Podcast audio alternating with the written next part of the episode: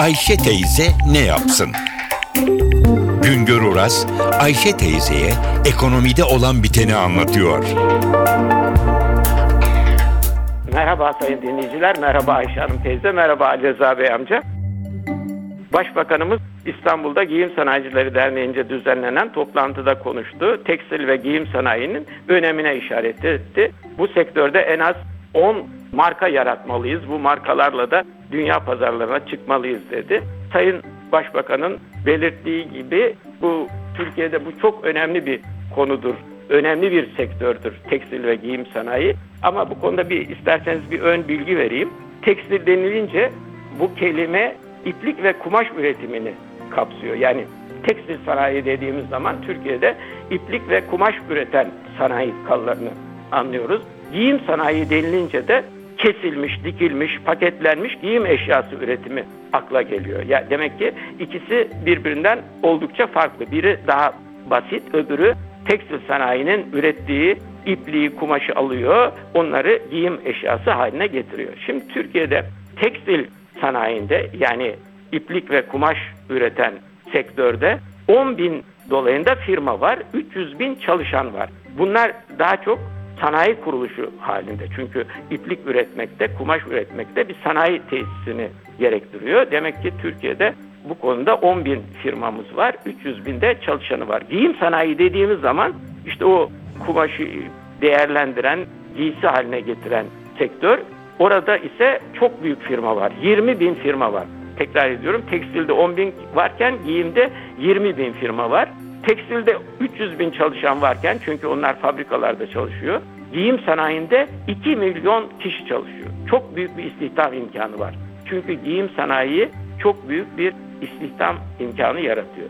Bunlar sadece Türkiye'de yani istihdam imkanı yaratma bakımından önemli değil bu iki sektör. Bu iki sektörün bir başka özelliği daha var. Bunlar Türkiye'nin önde gelen ihracatçı sektörleri. Tekstil sanayi yani bu iplik kumaş olarak üreten sanayinin yıllık ihracatı 8 milyar dolar dolayında. Giyim sanayinin yani bu daha çok başkalarından gelen kumaşları keserek, dikerek, paketleyerek yurt dışına satan sektörün ise ihracatı 16 milyar dolar. İkisi birden 8-16 daha 24 milyar dolarlık bir ihracat imkanını sağlıyor bu iki sektör Türkiye'de. Ama onun dışında çok büyük ölçüde de bu sektör Türkiye'de istihdam imkanı yaratıyor. Demek ki sektörler o nedenle hem istihdam imkanı hem de döviz imkanı nedeniyle çok Türk ekonomisinde ağırlığı olan sektörler.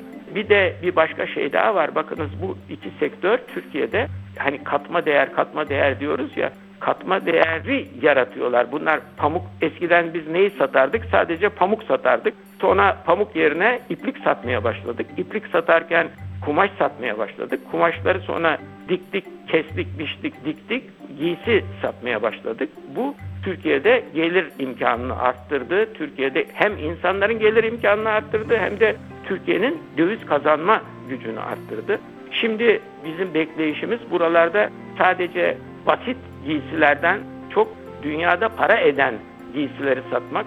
Para eden giysilerin de en önemli özelliği marka e, giysi olmaları. Bakınız Sayın Başbakan'ın da özellikle üzerinde durduğu nokta o.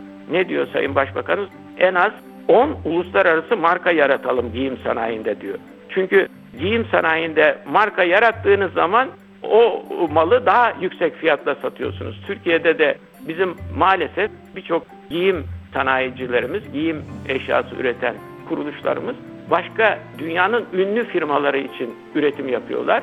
Biz 10 dolarlık ihracat yapıyoruz o malı. Aynı firmalar üzerlerine kendi markalarını koyarak 50 dolara 100 dolara satıyorlar. İşte bizim de hedefimiz kendi giysilerimizi uluslararası markalarla daha yüksek fiyatlarla satabilecek imkanlara kavuşmak. Sayın dinleyiciler bir başka anlatıma kadar şen ve esen kalınız. Güngör Uras'a sormak istediklerinizi ntvradio.com.tr adresine yazabilirsiniz.